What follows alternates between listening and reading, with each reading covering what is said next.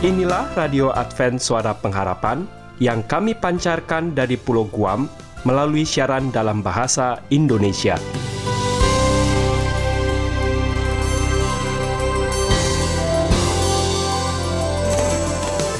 Salam sejahtera kami sampaikan kepada para pendengar kami di mana pun Anda berada.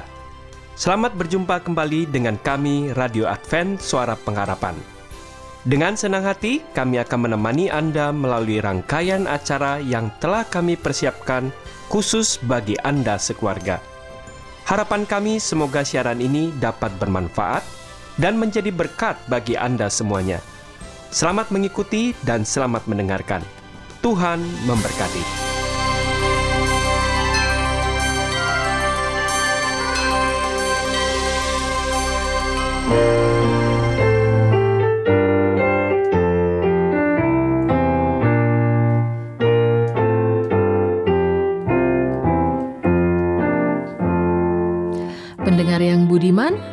Akan segera mengikuti ruang Alkitab menjawab yang akan disampaikan oleh Pendeta Andri Daimbani dan Ayura Yosef Manik. Sebuah program yang dipersiapkan dengan seksama atau syarat dengan jawaban Alkitab yang ringkas dan logis untuk berbagai pertanyaan Alkitab. Dari, studio, kami, ucapkan, selamat, mengikuti. kami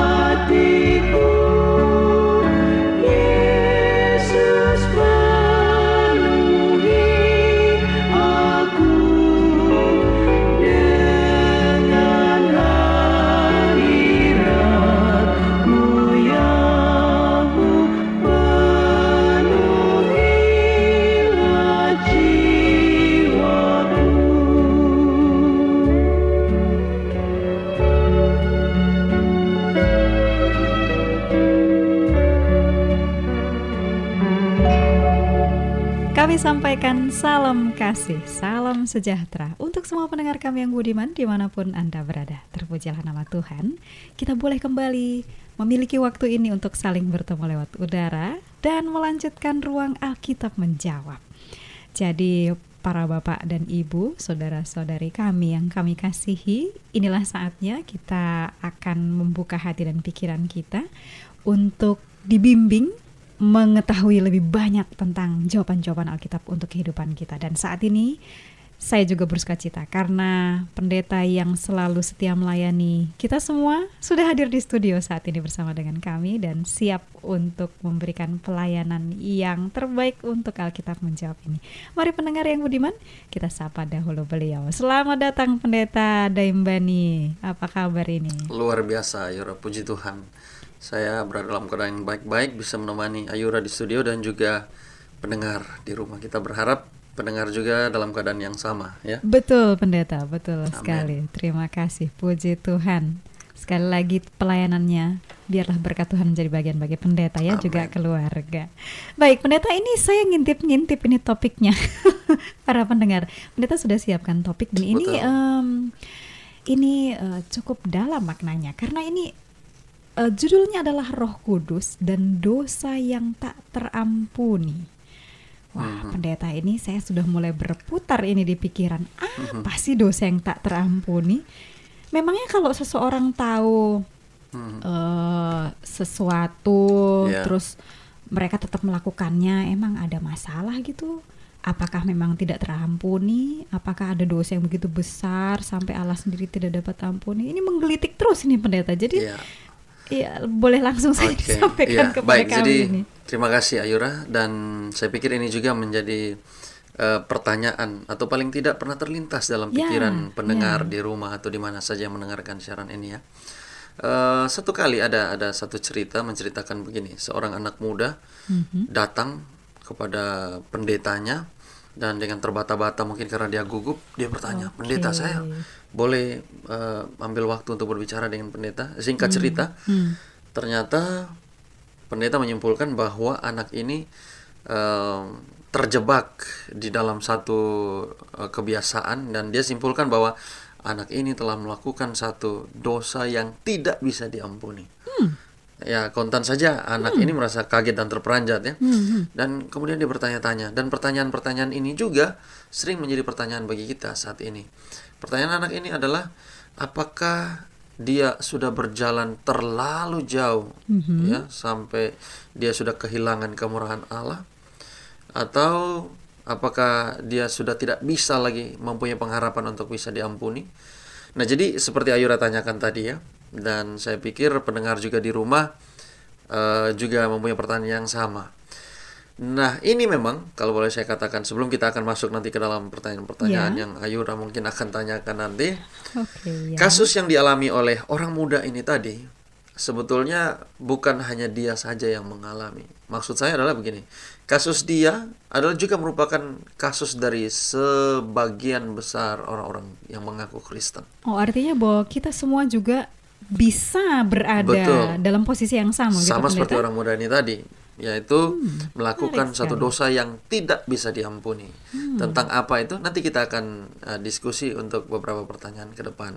Jadi sekarang ini ada banyak orang yang sementara kebingungan tentang masalah yang satu ini, tentang melakukan dosa yang tidak bisa diampuni. Kira-kira begitu Ayora. Nah, baik. Kalau begitu um, apakah di Alkitab itu dijelaskan pendeta mm-hmm. atau mungkin Yesus pernah sampaikan sampai kemudian ada istilah dosa yang tidak terampuni maaf maaf yeah. ini pendeta ya yeah, yeah. menurut pengertian saya Tuhan itu maha maha mengampuni Betul. jadi dosa sebesar apa pun sesuai dengan janjinya diampuni tapi memang apakah ada deskripsi seperti itu pendeta baik Uh, saya rasa kita sudah mulai masuk pembahasan kita ya pada saat ini. Jadi Ayura tadi tanyakan apakah ada di dalam Alkitab yang menyebutkan tentang dosa yang tidak dapat diampuni. Ya, Baik, uh, mungkin Ayura dan juga pendengar boleh bantu saya. Kita boleh baca bersama Alkitab kita sama seperti tema acara ini adalah Alkitab, Alkitab menjawab. menjawab. Maka selalu ayat yang saya gunakan adalah berdasarkan Alkitab. Mari pendengar dan juga Ayura kita buka dari Matius pasal 12 ayat yang ke-31. Matius 12 ayat 31 mungkin Ayura boleh bantu saya membaca. Baik, pendeta, Matius 12 ayat 31. Sebab itu aku berkata kepadamu, segala dosa dan hujat manusia akan diampuni, tetapi hujat terhadap Roh Kudus tidak akan diampuni. Oh, jelas Baik. sekali nih pendeta. Jelas sekali. Jadi kalau kita berdosa terhadap anak manusia, bagaimana kata ayat itu? Akan diampuni. Masih bisa diampuni. Tapi kalau kita berdosa terhadap Roh Kudus, maka kita tidak dapat diampuni. Ya, di ayat 32 mungkin pendeta saya bacakan. boleh. Apabila seorang mengucapkan sesuatu menentang anak manusia, ia akan diampuni. Betul. Tetapi jika ia menentang Roh Kudus, ia tidak akan diampuni. Di dunia, Di ini tidak, tidak, dan di dunia yang akan datang pun tidak. tidak. Oke. Jadi untuk ini saya berikan sedikit uh, keterangan. Kunci. Iya, betul sekali Ayura. Ini adalah uh, beberapa ayat yang menyebutkan tentang dosa yang tidak dapat diampuni. Hmm. Ini sebetulnya kalau disimak adalah bagian yang sangat menarik daripada uh, ya salah satu bagian Alkitab yang menarik ya. Nah, kalau kita lihat pengalaman kehidupan Yesus wah, pada waktu dia berada di dunia ini, sering sekali orang-orang Farisi itu apa ya, berbeda pendapat dengan Yesus. Hmm, ya, salah satu bagian yang atau salah satu cuplikan perbedaan pendapat mereka adalah pada saat orang Farisi itu mengklaim atau apa melabel bahwa Yesus itu pada waktu dia melakukan mujizat itu mujizat-mujizat itu berdasarkan kuasa dari Balsebul. Ini adalah nama lain daripada Oh, setan. ya. Ketimbang kuasa dari Allah sendiri. Nah, Hmm. sebetulnya kenapa orang Farisi melakukan ini? Alasannya adalah sederhana. Orang-orang pada waktu itu mereka menerima akan mujizat yang Yesus lakukan. Nah, Baik. sekarang pertanyaannya ada apakah orang Farisi juga menerima bahwa kuasa yang Yesus lakukan itu adalah kuasa yang datang dari Allah. Kalau mereka menerima mujizat itu datang dari Allah, berarti mereka dengan kata lain atau eh, tanpa mereka sadari, mereka mengakui bahwa Yesus itu adalah Allah. Sementara mereka harus apa? Mereka sementara berdebat apakah Yesus itu anak Yesus Allah itu Allah atau atau tidak. Bahkan Hmm. mereka mencari-cari celah untuk apa? Selalu menjatuh menjatuhkan Yesus. Mendiskreditkan, Jadi dosa yang tidak terampuni ya kalau boleh saya apa ya men- menjelaskan secara sederhana ini berbeda dengan dosa yang uh, seperti perjinahan, pembunuhan, pencurian. Kita tahu dalam 10 perintah Allah ya. Ya. Di sana disebutkan jangan apa? Jangan, Jangan mencuri, contohnya jangan, jangan mencuri, jangan berzina. membunuh, jangan berzina dan seterusnya. Mhm. Nah, ini sedikit berbeda ya, berbeda. Berbeda dalam pengertian adalah eh, tadi sudah di Ayura sudah bacakan bahwa Yesus dengan jelas menyatakan segala dosa itu dosa-dosa kita terhadap Allah, terhadap Yesus bisa diampuni. Tetapi dosa yang tidak dapat diampuni adalah menolak untuk menerima Yesus sebagaimana dia adanya, yaitu sebagai juru selamat kita yang penuh kasih, yang maha pengampun, dan yang juga dapat mengubah hidup kita. Jadi pada saat kita akan uh, melihat nanti diskusi-diskusi kes- uh, yang selanjutnya, kita akan mempelajari sungguh-sungguh tentang uh, topik ini. Kira-kira demikian, Ayura. Oh, baik. Jadi eh, di sini tadi pendeta kan jelaskan tentang latar belakang itu ya, tentang kisah ini Betul. bahwa orang-orang itu tidak dengan rela mau menerima Yesus ya. Jadi masih dipertanyakan. Berarti itu sudah masuk ke koridor itu ya. Iya. Oke. Oke, saya ada sedikit uh, tambahan mungkin sebelum Ayura uh, adakan pertanyaan berikut Oke, lagi. iya. Jadi sebetulnya secara sederhana saya juga bisa melihatnya demikian. Mungkin saya mau coba mengajak pendengar untuk memahami bahwa kita pernah belajar, kita akui bahwa uh, Allah itu adalah Allah yang esa. Ya. Tiga oknum dalam satu kesatuan, satu Betul. kesatuan dalam tiga oknum yang berbeda-beda. Ada Allah Bapa, Allah anak. Allah Anak, Yesus Kristus, Allah dan Roh Roh. Kudus. Ya. Nah, kita tahu bahwa sekarang ini Yesus sudah tidak secara fisik manusia lagi ada di dunia ini, betul? Betul. Dia sudah naik ke naik ke sorga surga. dalam peristiwa di kisah para rasul pasal 1 ya. Ya. Dia sudah naik ke sorga. Nah, sebelum dia naik, dia pernah sebutkan, ini nanti ada di bagian selanjutnya, Mhm. bahwa aku akan memberikan apa? Penghibur, penolong kalau aku Ah, sudah ya, pergi. Betul, roh penolong. Betul. Kenapa ini pemahaman saya? Kenapa kalau kita berdosa kepada Roh Kudus tidak bisa diampuni sementara kita berdosa kepada Yesus kepada Allah masih bisa diampuni adalah begini ya. Kita tahu bahwa sekarang sebagai pengganti ya dalam tanda kutip, mm-hmm. Yesus tidak ada lagi di dunia ini secara fisik, tetapi Roh, Roh Kudus itu yang ada. Rohnya Inilah ada, Roh. Roh Kudus itu ada bersama-sama dengan kita. Inilah representatif daripada sorga untuk dunia ini ya selain malaikat tentunya yang kita tahu. Jadi Baik. penghubung kita sehingga kata hati kita masih bisa diusik dan dikatakan eh bertobat jangan lakukan itu itu tidak bagus. Mm-hmm. Itu adalah yang selalu berbisik dalam hati kita itu itu Roh Kudus. Nah, bayangkan jembatan satu-satunya kepada Allah yaitu Roh Kudus ini kalau kita putus, kita menyangkal, kita tidak menerima Dia, apalagi jembatan yang ada mengerti kira-kira Ayo bisa tangkap Jadi ya. terputus penghubung betul -betul ya, sudah tidak ada lagi, oh, tidak ada oknum baik. keempat daripada kealahan. Baik. Allah Bapa, Yesus Kristus, kita percaya dari sorga secara Adalah, fisik. Ya. Rohnya itu yang ada bersama dengan kita. Jadi kalau kita menyangkal roh itu, ya artinya kita sudah menyangkal Allah itu sendiri sehingga kita tidak punya kesempatan. Kira-kira seperti itu. Aja. Baik, baik. Ya, ini kembali kepada konteks tentang dosa yang tak terampuni. Mungkin um, perlu juga nih pendeta untuk yeah. kita diingatkan semuanya apa saja ya hal-hal yang perlu kita penuhi atau syarat-syarat apa yang uh, diperlukan yang Tuhan sebutkan diperlukan untuk sebuah pengampunan ya mungkin Baik. ini perlu kita ingat lagi supaya lebih yeah. mengerti. Baik, um, saya ingin Ayura boleh bantu saya boleh Baik. melihat dari kisah Rasul pasal 2 ayat 38. Kisah 2. Kisah 2 ayat 38. Ayat 38. Ya, Baik. Mungkin pendengar juga boleh melihat. Jawab Petrus kepada mereka, "Bertobatlah dan hendaklah kamu masing-masing memberi dirimu dibaptis dalam nama Yesus Kristus untuk pengampunan dosamu, maka kamu akan menerima karunia Roh Kudus." Oke, ya, terima kasih. Bertobat dan beri dirimu apa? Dibaptis. Dibaptis. Itu persyaratan yang Allah daftarkan ya untuk menerima sebuah pengampunan. Ada lagi satu ayat lain yang mungkin lebih jelas lagi mm-hmm. selain bertobat. Yang kedua dalam 1 Yohanes 1 ayat yang ke-9. Saya pikir ini ayat yang sangat sering kita baca. Ya, di salah Ayura satu... bahkan mungkin sudah hafal. salah satu ayat hafalan saya nih pendeta. Ya, boleh hafalkan. Jika kita mengaku dosa kita, maka ia adalah setia dan adil sehingga ia akan mengampuni segala dosa kita dan menyucikan kita dari segala kejahatan. Terima kasih. Jadi yang kedua adalah mengaku dosa. Hmm. Jadi persyaratan untuk satu pengampunan, mengaku dosa dan bertobat. Itu saja. Mengaku dosa bertobat, maka Tuhan akan bisa mengampuni. Masih ingat kalau kita punya kesalahan terhadap orang lain, orang tua kita, kita datang saja, Bapak saya sudah salah, Mama saya sudah salah bikin ini, saya minta ampun kalau orang tua yang baik yang mengasihi anaknya dia akan apa? Pasti diampuni. Pasti ya? diampuni. Kalau saja manusia bisa melakukan hal yang seperti itu apalagi Bapa kita yang di sorga ya. Di surga. Jadi semua dosa yang kita sesali, yang kita minta ampun itu pasti akan diampuni.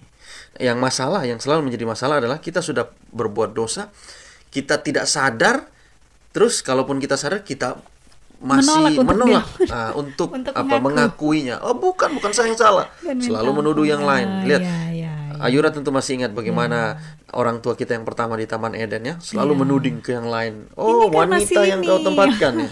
Wanita katakan oh ular yang ya dan seterusnya. Yang Itu natural sifat manusia.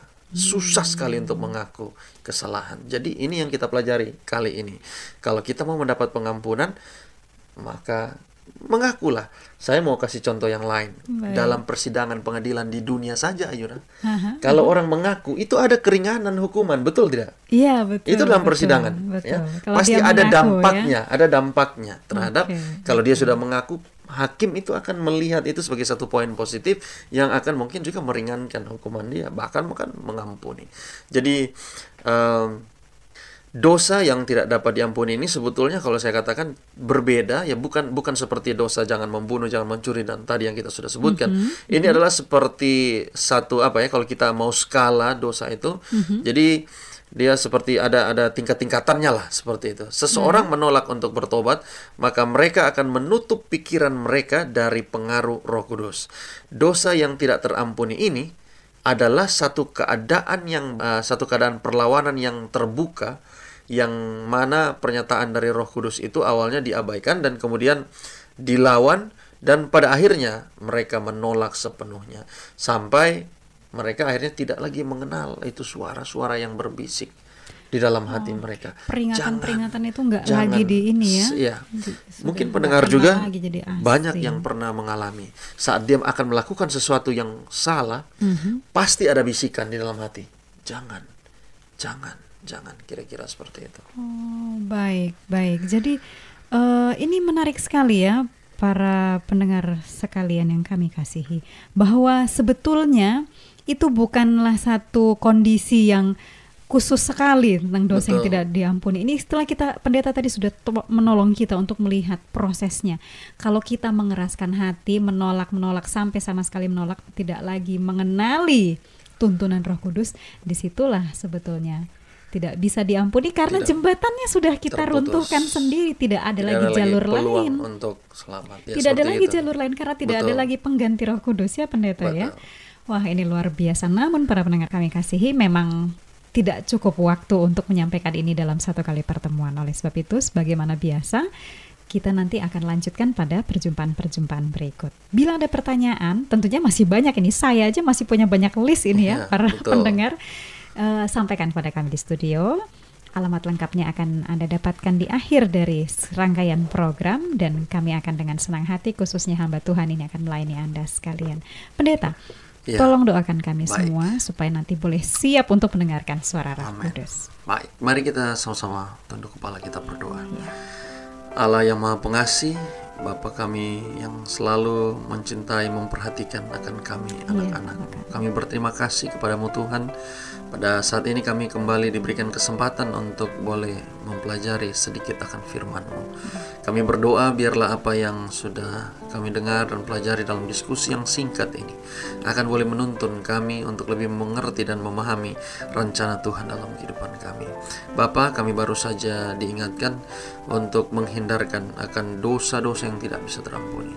Kami mau supaya biarlah dalam pertemuan-pertemuan kami selanjutnya Tuhan boleh tuntun kami sehingga kami dapat terus belajar dari pertemuan kepada pertemuan yang lain sehingga kami betul-betul dapat memahami apa maksud Tuhan bagi kami. Kami baru hanya membuka diskusi ini Tuhan, tetapi waktu jualah yang memisahkan kami. Tapi kami percaya Tuhan akan menyediakan waktu bagi kami di kesempatan yang akan datang. Kami berdoa bagi semua pendengar kami di mana pun mereka berada yang sementara mendengarkan siaran ini. Biarlah berkat Tuhan boleh selalu menjadi bagian mereka. Terima kasih Bapa. Inilah doa kami. Kami persembahkan demi anakmu Yesus Kristus Tuhan dan Juru Selamat kami. Amin.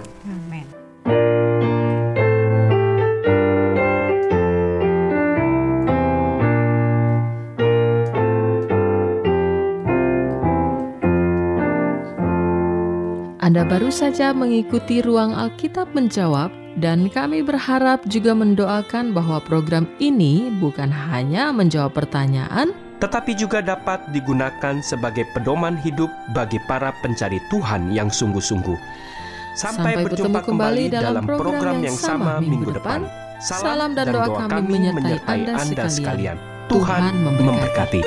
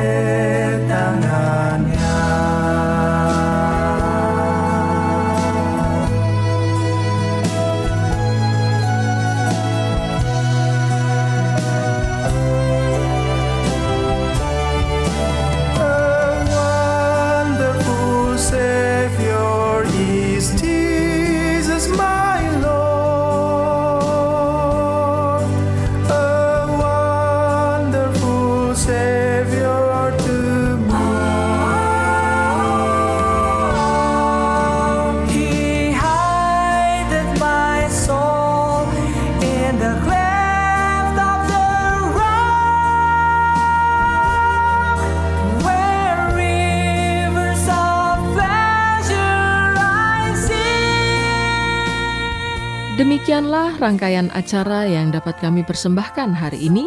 Dan apabila Anda mempunyai pertanyaan atau ingin mendapat pelajaran Alkitab penemuan baru, Anda dapat mengirim surat ke alamat Radio Advent Suara Pengharapan, PO Box 8090 Jakarta 12810 Indonesia.